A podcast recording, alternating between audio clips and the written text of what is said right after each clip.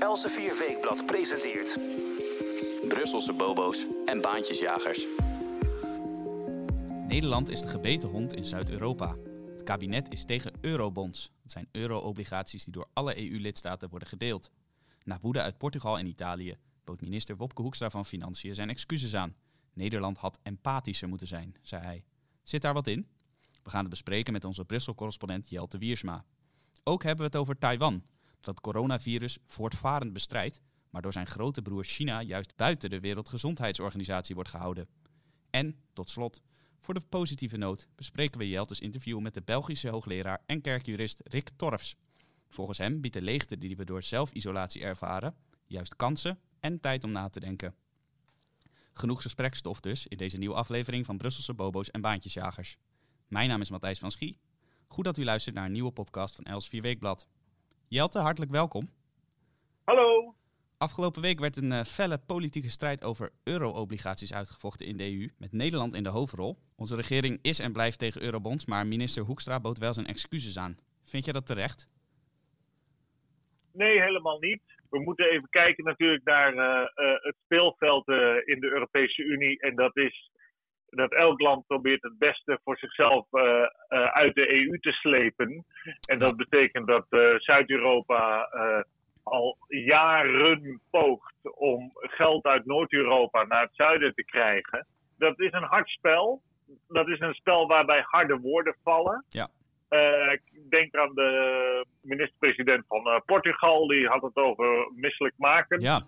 Uh, meneer Costa en meneer Conte, de premier van Italië, die gebruikten woorden van soortgelijke strekking toen Hoekstra meldde dat het wel eens tijd werd om een keer naar die te kijken naar de financiën van Zuid-Europa in de afgelopen tien jaar. Wat hebben die nou eigenlijk gedaan? Terwijl in het noorden fors bezuinigd is en de belastingen zijn verhoogd, zijn de financiën in het zuiden nog steeds niet op orde.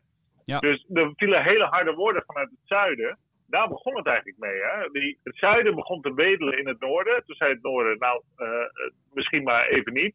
en, want jullie kunnen nog gewoon geld lenen bij de Europese Centrale Bank. En Jullie kunnen eventueel, als je wil, ook bij het Europees Stabiliteitsmechanisme, het ESM, waar 410 miljard in zit, aankloppen. Maar dan komen er wel een aantal voorwaarden om de hoek kijken voordat u dat geld krijgt. Ja. Dus uh, wat, wat wilt u nou eigenlijk? Ja. Daarom kwam die scheldpartij. Hè, vanuit, Ja. Dus uh, er kwam een soort scheldpartij vanuit Zuid-Europa. En dat heeft zijn effect gehad. Hè?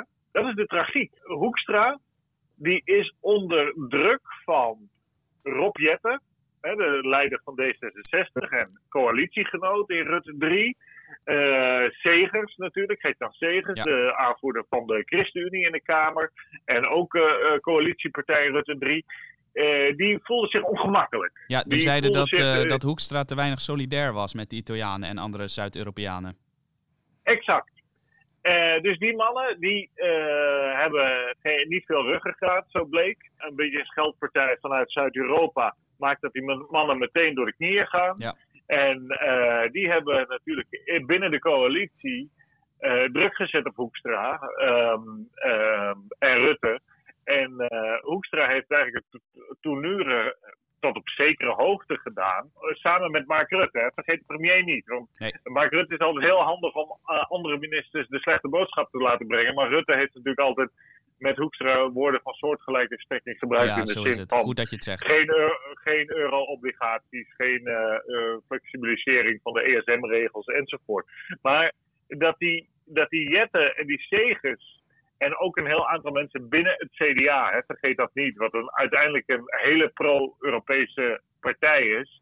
Uh, die hebben toch hun druk daar uitgeoefend. Uh, en dus die scheldpartij vanuit Zuid-Europa heeft gewerkt. Want uh, het, lijkt, het lijkt erop dat Nederland toch in ieder geval geld naar het zuiden gaat sturen. Ja. In welke vorm dan ook. Ja, 1000 miljard aan, of sorry, 1 miljard, 1000 miljoen, ik moet het wel goed zeggen. 1 miljard aan uh, noodsteun voor de Italianen wat betreft uh, nou ja, gezondheidszorg of waar ze dan ook voor nodig hebben. Ze zijn natuurlijk zwaar getroffen door het coronavirus. Maar die, die eurobonds, gedeelde obligaties voor alle EU-lidstaten, die lijken er vooralsnog niet te komen. Hè? Dat, is dat dan goed nieuws? Ja, dat klopt. Je moet je voorstellen, er zijn, ah, er zijn allerlei initiatieven, allerlei voorstellen. Frankrijk is gekomen, uh, Bruno Le Maire, de Franse minister van, Buitenland, of, uh, van Economische Zaken en Financiële Zaken, met, met, een voorstel voor een soort noodfonds. Nou, Hoekstra en Rutte die hebben bedacht om Zuid-Europa een beetje koers te houden, want ze zijn toch onder de indruk geraakt van die scheldpartij. Uh, uit het zuiden van we sturen een miljard euro naar Zuid-Europa. En daarmee kunnen we ook Rob Jetten en Segers het zwijgen opleggen. dus Jetten en Segers kosten ons 1 miljard, zeg maar. Ja. in korte tijd. Nou, dat, dat, ben je dan wel weer kwijt. Hè? Uh, dat is, echt, dat is niet te geloven eigenlijk. Uh, dan heb je nog daarnaast natuurlijk het, het Europees Stabiliteitsmechanisme. Het ESM, onder leiding van Klaus Regling, een Duitser die in Luxemburg in een kantoortje zit. En die club is opgetuigd, weten de mensen vast nog, uh, tijdens de eurocrisis om uh, landen in de problemen een kredietlijn aan te bieden. Ja. Uh, landen die niet meer fatsoenlijk tegen betaalbare rentes op de kapitaalmarkt konden lenen. En deze landen die moesten dan in ruil voor de lening wel aan allerlei voorwaarden voldoen. Dat betekende effectief pensioenleeftijd omhoog, soms ambtenaren salarissen omlaag betere belastinginning, enzovoort, enzovoort. Dus her, kortom, hervorming van de economie. Nou, dan heb je uh, dat ESM, moet ik nog even iets over zeggen, want het ESM is eigenlijk omgebouwd tot een soort internationaal monetair fonds. En dan moet je uh, weten, dat was een diepe wens van Frankrijk, want het internationaal monetair fonds uh, uit Washington is eigenlijk een Anglo-Saxisch gedomineerde club. Ja. En eh, die werd elke keer bij landen die schulden hadden ingezet om hervormingen af te dwingen. En het IMF is een uh, club die is voor vrijhandel, weinig regulering, lage belastingen enzovoort. En Frankrijk is dat uh, juist niet. Precies. Frankrijk wilde, wil, wilde af van die IMF-bemoeienis met Italië, met, met, uh, met Griekenland, met uh, Spanje en al die anderen. Niet Italië moet ik ook zeggen. Uh, maar al die anderen die een programma hebben door moeten lopen de afgelopen jaren. en Frankrijk wilde een Europees IMF opzetten. Dat wilde Nederland niet. Dat wilde Rutte niet. uiteindelijk is het ESM, wat al bestond in een andere vorm is eigenlijk het Europese IMF geworden. Uh, maar daar zijn dus die voorwaarden die het IMF ook altijd stelt, die zitten ook bij, dat e, uh, bij die ESM. Als je daar een lening wil hebben, als je een lening wil hebben bij het ESM of bij het IMF, je krijgt beide een lesje anglo-saxische economische politiek, wat meestal heel gezond is voor landen. Uh, maar nu zie je natuurlijk, omdat het IMF is op, onder controle van landen in de hele wereld, dat ESM, dat wilde Frankrijk natuurlijk, is onder Europese controle.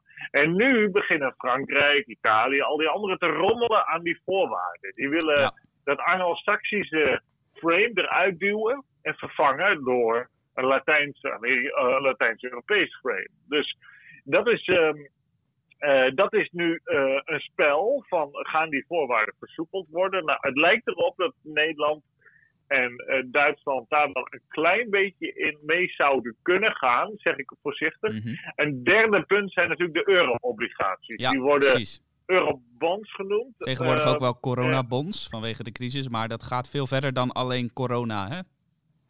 Ja, zo is het. Uh, kijk, het heeft je moet eh, allereerst zeggen, de taal is belangrijk ook. Hè. Eurobond, dan weet ook niemand in Nederland nou precies wat het betekent. Nee. Dat zijn, het zijn obligaties. Hè. Het zijn staatsleningen die worden uitgegeven door dan alle eurolanden samen. En dan uh, kunnen mensen op de kapitaalmarkt, ook jij en ik, kunnen die dan kopen. En dan uh, hoop je daar een klein beetje rendement op te maken. En je geld ooit weer terug te krijgen. Ja, nou, en al die, die dat... schulden die je dan maakt, die komen op één grote hoop. Hè? Althans, volgens het plan van Zuid-Europese landen. Zo is het. Negen Zuid-Europese premiers hebben voorgesteld, of regeringsleiders moet ik zeggen, hebben voorgesteld om alles op een hoop te gooien. En uh, Duitsland en Nederland zijn daar tegen. Ja. En dat is heel belangrijk denk ik, om te weten dat in Nederland is de focus heel erg op Nederland. Dat is wel begrijpelijk natuurlijk, uh, gezien uh, de scheldpartij van Zuid-Europa en uiteindelijk het miljard van Jetten en Segers dat door Wopke nou naar Zuid-Europa wordt gesmeten. Maar Duitsland, daar draait het om. Duitsland heeft de sleutel in handen. Angela Merkel in het Bundeskanzlerambt ook wel de Bundeswaschmachine genoemd. Want alles wat daarin gaat, daar komt er wit weer uit. Die heeft de sleutel in handen. Die bepaalt, zij bepaalt of dat ooit door kan gaan zoals of niet. Zo vaak. Nou, en zoals altijd. Uh, we hebben dat eerder gezien natuurlijk. Rutte beloofde uh, dat er geen derde steunpakket naar Griekenland ging. In de verkiezingscampagne van 2012. Nou, na de verkiezingen boog hij. Uh, en toen kwam de derde steunpakket er toch. En hoe kwam dat? Omdat Merkel zei: we gaan toch Griekenland nog een keer voor de derde keer redden. En daarmee eigenlijk de Duitse banken, die heel veel uh, Griekse staatsleningen op de balans hadden. En uh, Rutte die ging daar maar mooi in mee, want die durfde geen spelbreker te zijn. Terwijl hij een veto heeft. Hè? Ja. Hij kan zeggen: dat doen we niet. Maar uh, vooralsnog is in Duitsland de atmosfeer toch vrij stevig. Tot mijn vreugde ook wel, want de SPD, natuurlijk uh, de junior partner in de coalitie met CDU, CSU, is uitgesproken pro-EU en pro-EU-integratie en, Mhm. en uiteindelijk pro-Eurobond. Ja. Maar de minister Scholz van Financiën, een SPD'er, die blijft toch voorzichtig. En Merkel zelf blijft heel voorzichtig. Die zegt ook openlijk: ik kan dat helemaal niet verkopen in Duitsland. Ik kan niet tegen de Duitsers zeggen: uh, wij gaan uh, uh, dit zo doen. Wij gaan Zuid-Europa financieren. wat ook aardig is. ik schrijf af en toe als gastauteur voor een Duits maandblad. En die hebben een keer dat helemaal keurig op een rij gezet. De welvaartspositie van Italianen Ja. en van Duitsers. En dan zie je gewoon dat de gemiddelde Italiaan is rijker dan de gemiddelde Duitser. Dus je kan, natuurlijk, je kan het niet hebben dat um, van staatswegen financiering gaat van Duitsland naar Italië. Terwijl die Italianen die schuld prima Nee. zelf kunnen financieren. En dat eh, geldt ook uh, in mindere mate ook voor Spanje. En het geldt ook, ook wel degelijk voor Frankrijk. Uh, dus kijk, collega en hoofdredacteur Arendo Jouster noemde nog even een uh, beroemde schrijver die in 58 al schreef dat Italië is altijd een land van publieke armoede en private rijkdom. En dat is waar, hè? Dat, je ziet dat ook aan het land. Veel private rijkdom, maar wegen en zo, dat ziet er allemaal niet zo lekker uit. Ja, ik heb het Dus- even opgezocht. Ik heb het blad hier naast me. Uh, dat is de heer J.K. Galbraith, als ik het goed uitspreek. Die zei dat inderdaad Ja. uh, in zijn boek Ja, The. Affluent. Society. Klopt, klopt. Heel goed dat je dat even noemt ook. Uh, maar we gaan uh, zien hoe dit nou doorgaat. Uh, Kijk, je kan niet anders tot de conclusie komen dat die euro is een catastrofe. Ik heb een interview vorig jaar mogen maken met Bernard Connolly, die bij de Europese Commissie werkte. Een Engelsman. Hebben wij toen ook Die- besproken in de, in de podcast, kan ik me nog herinneren. Zo is het. En die, die schreef als commissieambtenaar, terwijl hij hoofd was van de sectie die dus bezig was met het aan elkaar plakken van die munten in Europa en uiteindelijk komen tot één munt. Ja. Dat dit gaat, eh, hij schreef toen een boek in 1996, The Rotten Heart of Europe, noemde hij. Hij zei, dit gaat leiden tot oorlog. En de Europese Unie en de Europese integratie as such wordt vaak natuurlijk verkocht als een vredesproject. Maar we zien nu de scheldpartijen over en weer. Eh, Ja. Je kan nou niet zeggen dat de sfeer nou echt lekker is. Nee, is niet Eh, bepaald en, vrede. en, en in Engelse kranten wordt ook oh, eh, vrij enthousiast geschreven van we zijn net op tijd weg Ja. uit die Europese Unie. Nou, daar lijkt het en, wel op. gelukkig, en gelukkig hebben we nooit met die euro meegedaan. Want ja, als je al met je vrienden zo communiceert, laat ik het zo zeggen, dat je elkaar voor, voor, voor nou ja, eh, de meeste, ja, ja, voor rotte vis uitmaakt. Jij zegt het netjes nog Ja, in ja, in deze podcast blijven we beschaafd. Eh, dat zijn dan je zogenaamde vrienden met wie je samen een clubje vormt. Ja. Nou ja, eh, de, ik ben niet lid van al, al- allemaal clubjes, maar de club waar ik toch lid van ben, daar schelden mensen elkaar niet uit op deze manier. Eh, dus Nou is het aardig misschien om, om even te kijken wat wij in het blad, Elsevier Weekblad, allemaal hebben gepubliceerd over deze kwestie. Want uiteraard in het nieuwste nummer gaat het ook veelvuldig over deze kwestie rond de eurobonds en de eurozone. En daarin heb jij eh, de Italiaanse oud-interim-premier geïnterviewd, Carlo Cottarelli heet hij. En hij heeft best een opmerkelijke mening hè, over deze kwestie. ja, Cottarelli die eh, is, eh, zoals bijna elke Italiaan ooit oud-inter-premier is geweest. Want ze hebben zoveel premiers gehad Dat dat, is ik zo. geloof... Het zegt niet zo heel veel daar.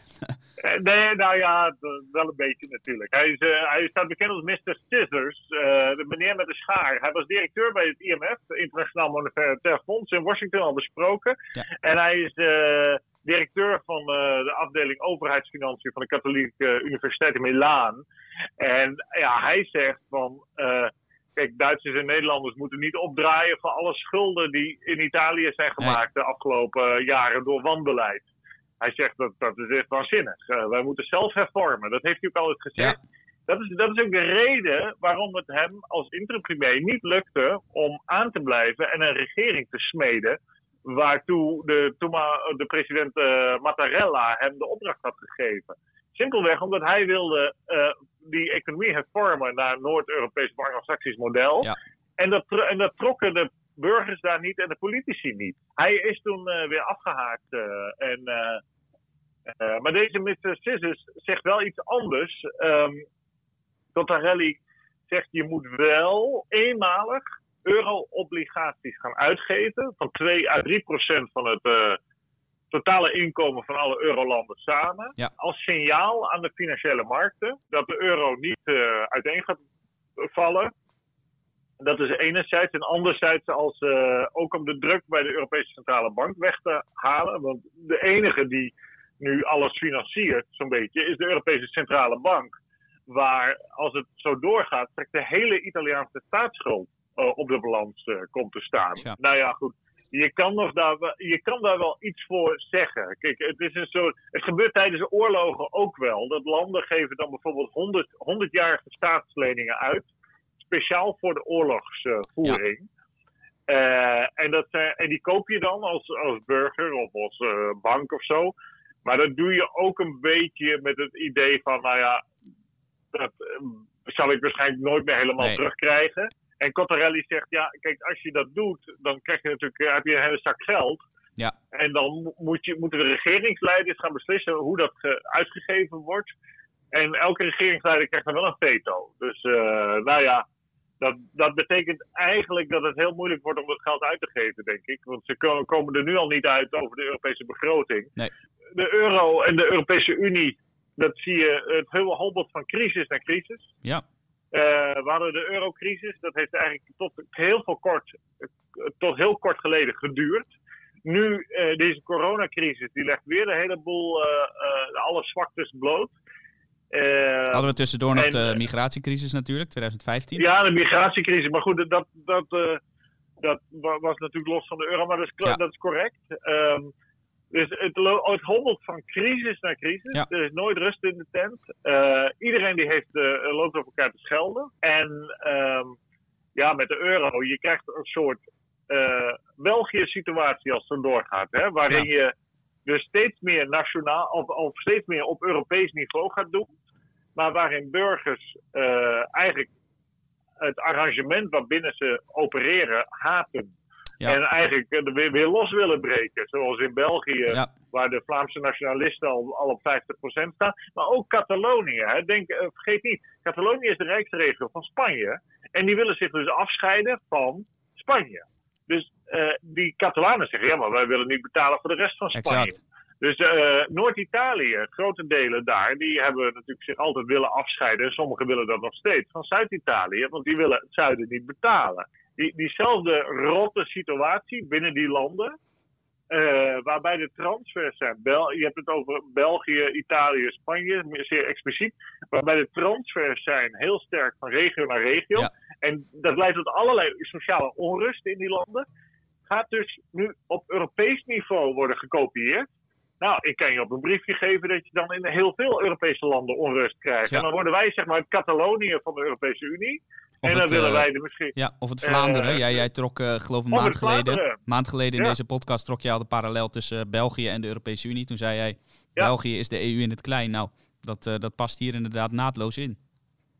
We- Wij gaan, wij gaan dan misschien wel illegaal een referendum straks organiseren of zo in Nederland. En dan eh, zegt de meerderheid, wij willen ons afscheiden van de Europese Unie. En dat, zal, dat mag dan natuurlijk niet, dat is illegaal. En dan krijg je Europese militairen hier of zo op straat. Dus eh, het wordt allemaal heel spannend. dit. Nou. En, Het, het is vanaf dag één is één munt een heel slecht idee geweest. Er is ook eindeloos voor gewaarschuwd. En we zien de rotzooi die het de hele tijd oplevert. Ja. Eh, en hoeveel, hoeveel politieke energie gaat er ook niet verloren door die munt? Ook dat, al dat Eh, gescheld inderdaad. En eh, het, het continu eh, onderhandelen over dit soort zaken waar we het maar niet over eens worden. Dat is heel veel energie, ja. Al die politieke energie had je kunnen gebruiken om de interne markt van de Europese Unie bijvoorbeeld te vervolmaken, om handelsverdragen met Amerika of andere goede partners te sluiten. Eh, maar al die politieke energie gaat verloren door alleen maar naar onszelf te kijken. En eh, eh, ik denk dat de geschiedenis heel hard zal oordelen over de politieke klasse, klassen, moet ik in meervoud zeggen, want het, is, gaat decennia door Ja. Die hiermee bezig zijn. Eh, ik denk dat het niet als een eh, bewonderenswaardige klasse wordt Nee, beschouwd. eh, Nou, dat is, eh, dat is onheilspellende toekomstmuziek. Als ik het zo hoor, dan is de EU na deze coronacrisis, hoe lang die nog gaat duren, is die in ieder geval nog lang niet klaar met alle problemen. Dan wil ik nu eventjes van de EU naar, naar het, weer naar het coronavirus. Eigenlijk de directe aanleiding voor deze ellende die we net hebben besproken. We gaan Ja. even naar Taiwan, want in dat land wordt het coronavirus heel voortvarend aangepakt. Er zijn geloof Ja. ik pas drie doden gevallen, terwijl er eh, veel meer mensen wonen dan in Nederland. 23 miljoen. Ja. Ja. En eh, toch houdt China, het land buiten de Wereldgezondheidsorganisatie, de WHO, omdat eh, de Chinese president-dictator, zoals jij hem terecht noemt, het land ziet als een afvallige provincie. Maar hoe is dat Ja. nou toch mogelijk dat een land als Taiwan, dat de zaken zo te horen echt goed op orde heeft, buiten die WHO wordt gehouden, terwijl dat juist zo'n belangrijk land kan zijn? Ja, kijk, China intimideert heel veel landen, ook Nederland. Eh, je ziet eh, constant dreigementen vanuit China dat als jullie niet doen wat wij willen, dan heeft dat consequenties. Dan eh, krijgen jullie geen toegang meer tot de markt of dan gaan we niet meer investeren in jullie land of wat allerlei nonsens dreigementen zijn. Want we verliezen alleen maar geld aan China, we verdienen helemaal niks aan China. Ehm, Taiwan is een hele tijd eh, waarnemend lid geweest van de Wereldgezondheidsorganisatie. En ze zijn waarnemend lid van meer organisaties geweest. Maar de afgelopen jaren heeft China eh, natuurlijk steeds meer aan zelfvertrouwen gewonnen. Door de rotzooi die in Europa bijvoorbeeld eh, ervan is gemaakt met de euro. Ook natuurlijk de financiële kracht die China heeft opgebouwd de afgelopen jaren. Dankzij toegang tot de wereldmarkt. En dat zelfvertrouwen, dat eh, eh, vertaalt zich nu uit eh, in het assertiever optreden, opereren op mondiale schaal Ja. binnen mondiale instituties. En Taiwan, waar de Chinezen wonen, zou je kunnen zeggen, grof gezegd, die tegen het communisme waren. Ja. Er zijn velen van de legers die hebben geholpen eh, om de Japanners te verslaan tijdens de Tweede Wereldoorlog. Die zijn daarna verslagen door eh, het Rode Leger van Mao Zedong. En velen van hen zijn gevlucht, dat is eigenlijk de oude aristocratie, eh, naar Taiwan. Ja. En die hebben van het kleine eilandje hebben ze een florerende democratie gemaakt. Eh, En dat zit China nog altijd dwars. en dat zit China zeer dwars. China vindt dat dat bij China hoort. Xi Jinping, die, die, die dreigt ook openlijk. Hè? Dus Chinese president-dictator dreigt openlijk van... Als jullie in Taiwan niet doen wat wij willen, dan eh, eh, gaan we jullie eventueel eh, op zo nodige kwaadschiks binnenvallen. Nou, tot nog toe geeft Amerika Taiwan militaire steun. Mhm. En Amerika is daar de politieman die eigenlijk voorkomt dat het nog veel meer uit de hand loopt. Ja. Maar via eh, slinkse weg zet China wel de hele tijd landen onder druk om Taiwan eh, niet als waarnemer toe te laten, in ieder geval op internationale platforms. Dat betekent dat er zijn weer geloof ik maar eh, een, een stuk of tien landen die Taiwan hebben erkend als onafhankelijk land. Dat was ooit anders, hè, tot 74, tot eh, onder Nixon in Amerika en Kissinger eh, China bij de wereldpolitiek werd betrokken en uit zijn isolement werd gehaald. Toen heeft eh, Amerika eh, China erkend, voor het eerst sinds de Tweede Wereldoorlog, de, het communistisch bewind daar. Ja. En hebben ze de erkenning van Taiwan laten vallen. Tja, Dat was de ruil. Dat was de ruil. En dat geldt voor de meeste landen. En eh, dat is eh, heel tragisch. En eh, we weten dat China juist doordat het een dictatuur is, dus een rotzooi van heeft gemaakt met Exact. het corona. Ehm, en we weten ook dat Taiwan, juist omdat het Chinezen zijn, die de Chinese communistische dictatuur die om de hoek ligt, heel goed kennen. Ja. En de ervaring hebben van 2004, toen het SARS-virus ook uit China naar Taiwan kwam en daar eh, een slagveld aan eh, richtte. eh, hoe zij hiermee om moesten gaan. En Taiwan heeft dus heel snel gezegd: wij checken iedereen die uit China binnenkomt. Ja. We zetten mensen in quarantaine enzovoort enzovoort. Er zijn dus maar drie mensen daar aanwijsbaar overleden Ja, eh, door of met corona. En tot mijn vreugd, eh Michael Galer, een Duitse eh, CDU-europarlementariër en voorzitter van de Taiwan EU Friendship Group in het Europese parlement, die komt met een resolutie om op te roepen om Taiwan toe te laten. En die oproep doet hij dus aan de EU-landen, Ja. want de EU als zodanig is, is geen, niet lid van de Wereldgezondheidsorganisatie, wat een VN Ja. eh, is. En eh, dat is hoopvol dat het in ieder geval ehm, dat er stemmen opgaan in Europa om, om op te houden met die flauwekul en China te omarmen en je te laten intimideren door China. Ja. Eh, en dat je een vrij democratisch land als Taiwan, wat onze natuurlijke partner is, dat je die in de steek zou laten.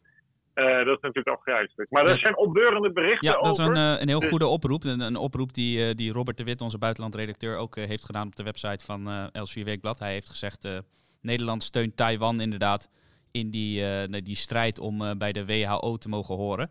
En Ja. ik wil nog een bijzonder fragment uitlichten. Jij schrijft daar ook over in jouw rubriek in Brussel. Een interview van een journalist uit Hongkong. Nog zo'n land dat zucht onder de knoet van China.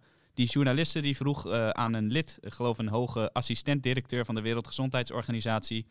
eh, zou u willen overwegen om Taiwan eh, lid te laten worden, toe te laten? En toen Ja. deed hij alsof de verbinding via Skype wegviel. Nou voeren wij die podcast ook Ja. regelmatig via Skype. En de verbinding, daar wil nog wel eens wat misgaan. Maar als je dat filmpje terugkijkt, dan, dan kunnen wij beide beamen, gezien onze ervaring met Skype, dat, dat dit er heel anders uitzag. Hè? Ja, natuurlijk. Dit is een Canadese, eh, inderdaad, assistent-directeur-generaal. En je moet je voorstellen, die Wereldgezondheidsorganisatie is zoals vele internationale organisaties helemaal gecorrumpeerd door China. Ja. Eh, dat zeg ik even heel hard. Maar eh, je moet je voorstellen, de directeur-generaal van die tent is een Ethiopiër, Mhm. een politicus. En die zit, die, ja, die zit gewoon financieel, zoals het lijkt althans uit een aantal publicaties, eh, hangt die aan China. Ja. En hoe, hoe, hoe werkt dat dan? Dat gaat niet dat er meteen op de privérekening van deze man geld wordt gestort vanuit Peking. Nee, China eh, stopt allerlei geld in die WHO. eh, zorgt ervoor dat bijvoorbeeld eh, er nieuwe onderzoeksprojecten komen en daar, dat daar geld voor is. Ja. En dan kunnen natuurlijk weer vriendjes van de mensen bij de WHO kunnen dat weer, eh, of die kunnen dat uitdelen aan hun vriendjes, die baantjes die daar eh, mee voort, eh, uit voortvloeien. Dus zo werkt dat een beetje. Ja, je hebt gezien wat er bij de WHO is gebeurd. Eh, Ja. eh, alternatieve Chinese geneeskunde wordt nu door de WHO serieus genomen. Ja, Nou, dat heeft geen enkele, weten, nee, geen enkele wetenschappelijke basis, maar dat is door die, die, die omkoperij van de WHO door China is dat gebeurd. Ja, deze man eh, die jij noemde, die werd door Yvonne Tong geïnterviewd, een eh, eh, journaliste uit Hongkong inderdaad. Dat is ronduit hilarisch. De- Deze man is een Canadees, die werd geïnterviewd en die zei ja, als ik mag kiezen en ik zou corona hebben, dan wil ik het liefst in China eh, behandeld worden. Nou, good luck. dat Want- klinkt al niet Ja, erg neutraal en boven de partijen staand. In China zijn meer doden gevallen dan waar dan ook. De, de cijfers die kloppen voor geen meter. Dat weten Ja. we allemaal. Er wo- wordt van alles onder het tapijt gemoffeld daar. Ze doen in sommige regio's alsof het voorbij is. Dat is helemaal niet zo. Nee. Dat weten we uit de eh, statistieken van bijvoorbeeld moratoria, eh, mortuaria, sorry. Ja. Je kan helemaal niks vertrouwen aan cijfers dat uit dat land komt. En laten we wel zijn, dat land moet, moet elke keer worden benadrukt, is de bron Ja, van deze dat bovenal. En, en Donald Trump heeft natuurlijk gelijk dat hij het het China-virus noemt. Ja. Eh, het is het China-virus. Of je kan het ook het zeggen, het Wuhan-virus, om specifiek te zijn.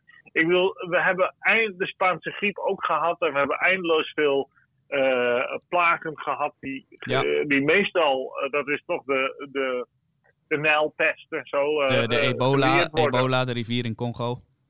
Exact, die worden gelinkt aan een geografische plek waar dat van eh, is opgekomen Ja. als het eerste. En eh, China die vindt dat dan eh, racistisch of demoniserend of zo. Nou, dat is wel, dat, dan, dan zakt mijn broek af eerlijk Ja, gezegd. Dat is hoor. wel het laatste waar we ons nu druk over hoeven te maken. het is het Wuhan-virus of het is het corona- of China-virus. Maar zo zouden we het eigenlijk consequent moeten noemen. Want daar komt die rotzooi vandaan. En we kunnen de vinger wijzen naar die mensen. En daar ligt niet de oplossing voor dit eh, eh, probleem. Nee. Eh, laten we wel zijn. Goed om En, dat nog een keer en- te benadrukken. en je ziet, hè, China is op campagne in West-Europa en in, eh, ehm, in Amerika. Ja. Je ziet opeens overal Chinese woordvoerders, in, in, in ook Nederlandse kranten, geciteerd worden. Die, die vertellen hoe geweldig China allemaal is. En dat die mondkapjes dat ze die naar ons toesturen, dat die heel, eigenlijk heel goed van kwaliteit zijn. Ja, en terwijl de meeste helemaal niet werken. Nou ja, dat. Maar eh, afgezien daarvan. Kijk, eh, China stuurt hier spullen naartoe. Dat betekent dat die spullen niet beschikbaar zijn voor de mensen in China zelf. Hè? Ook dat. Dat is klassiek voor een dictatuur. Eh, we kennen dat ook van de Cubaanse dictatuur bijvoorbeeld, waar artsen naar Andorra nu worden gestuurd. Cu- Cuba kan die artsen zelf ook wel gebruiken. Ja. Hè? En dat is klassiek in de geschiedenis van dictators. Goede sier maken. de weinige middelen die dan, of de middelen die ter beschikking zijn, dat ze die precies inzetten om goede sier naar de buitenwereld te maken en hun eigen mensen laten versterven. Ja. Nou, eh, dat er nog mensen intrappen, het is werkelijk waar verbijsterend. Maar goed, eh, je mag nooit vergeten dat in China verdwijnen mensen en daar hoor je nooit meer wat van. Ja, Eh, in China zitten massa's mensen in kampen zonder strafproces. Mensen worden opgepakt door, voor hun religieuze geloof. Het is werkelijk waar een afgrijzelijk land. Althans, eh, het politiek systeem ja is het afgrijzelijk. regime van Xi Jinping. zo is het. Ja. En eh, daar, moeten, daar moeten we alles tegen inzetten wat we eh, hebben, wat mij betreft.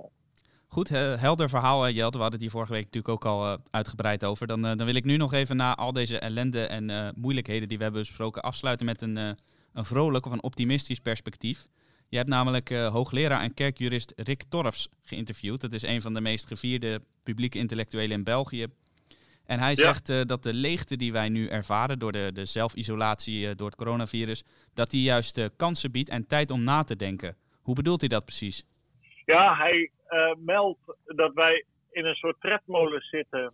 ehm, door ons ritme van werk, gezin, hobby's en, en weet ik wat mensen allemaal doen. Waardoor de, de hele dag eigenlijk volgepland is en er nooit tijd is om eens even goed na te denken en achteruit te, te leunen. Ja. En hij zegt dat is, dat is wel een mooie kans, eh, want hij verbindt dat met het kloosterleven. Hij heeft zelf een keer een week in een klooster in Orval gezeten. In eh, Zuid-België, een uh, abdij is dat eigenlijk. Uh, hij citeert daar een, voormalige conservatieve kardinaal. Die zegt: Als jij in een klooster zit, dan kan je door het ritme van dat kloosterleven, met die gebeden, krijg je een, een ritme in de dag. En uh, heb je daarbuiten enorm of tijd voor hele wilde gedachten en Ja. creatieve gedachten. Uh, en ik denk dat dat waar is. Ik denk dat het waar is. Die, als je de hele dag um, bezig bent, ja, dan kan je niet zo goed nadenken Nee. over het algemeen. Terwijl als je een, een dagritme hebt, uh, dus je moet wel opstaan, je wassen, eten bijvoorbeeld. Hè, dat, uh, je kan gaan bidden, dat kan ook. Maar je, je kan uh, dat ritme op een of andere manier inbouwen hè, Ja. voor je dag. Dan biedt dat daarbuiten geweldige tijd om eens even na te denken. En um, je ziet natuurlijk dat de afgelopen decennia hoe heet hij, de Spaanse schrijver Ortega y Gasset, die schrijft natuurlijk al over de, hè, de opstand van de massatmens. Ja. Uh, dat boek is 120 jaar geleden geschreven, zo'n beetje. En die, die Spaanse uh, filosoof intellectueel leest dat boek trouwens geweldig. Weer een Die, boekentip. Dat is uh, een van de grote voordelen aan deze podcast. Met alle tijd die je nu hebt, worden de boeken u zo op een presenteerblaadje aangereikt.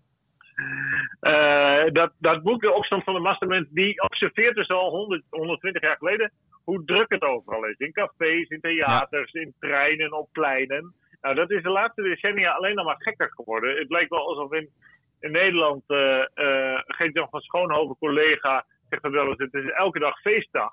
Er is altijd wel een popfestival, een voetbalwedstrijd waar 50.000 mensen naartoe gaan.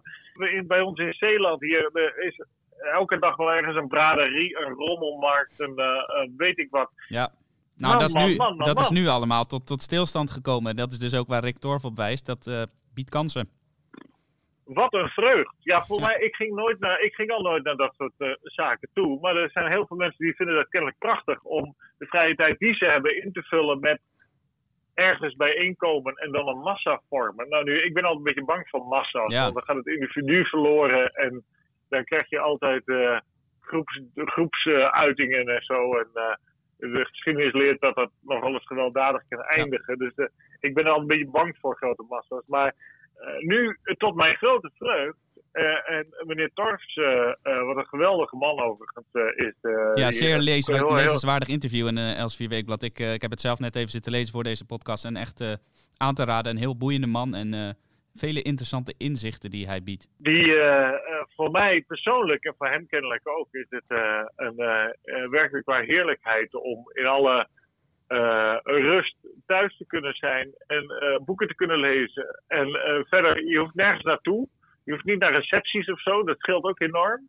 Je kan je tijd geweldig besteden. Ik lees hier ook het ene na het andere boek. Ik weet niet het de, de lezer en de luisteraar doet, maar Ja, Het, naast Els 4 is, Weekblad lezen natuurlijk. Dat, dat blijft ook heel belangrijk. Ja, je hoeft niet meer op skivakantie. Je hoeft ook niet meer op, op zonvakantie. Nee, je hoeft helemaal niks meer. Dus het niks meer hoeven, eh, dat, eh, eh, daar hamert hij eigenlijk op. Dat dat, dat een grote kans biedt. Wat, wat Torfs nog wel, wat misschien wel leuk is aan hem nog, dat ik, ik trof hem een keer s'avonds heel laat op het vliegveld van Zaventem bij Brussel.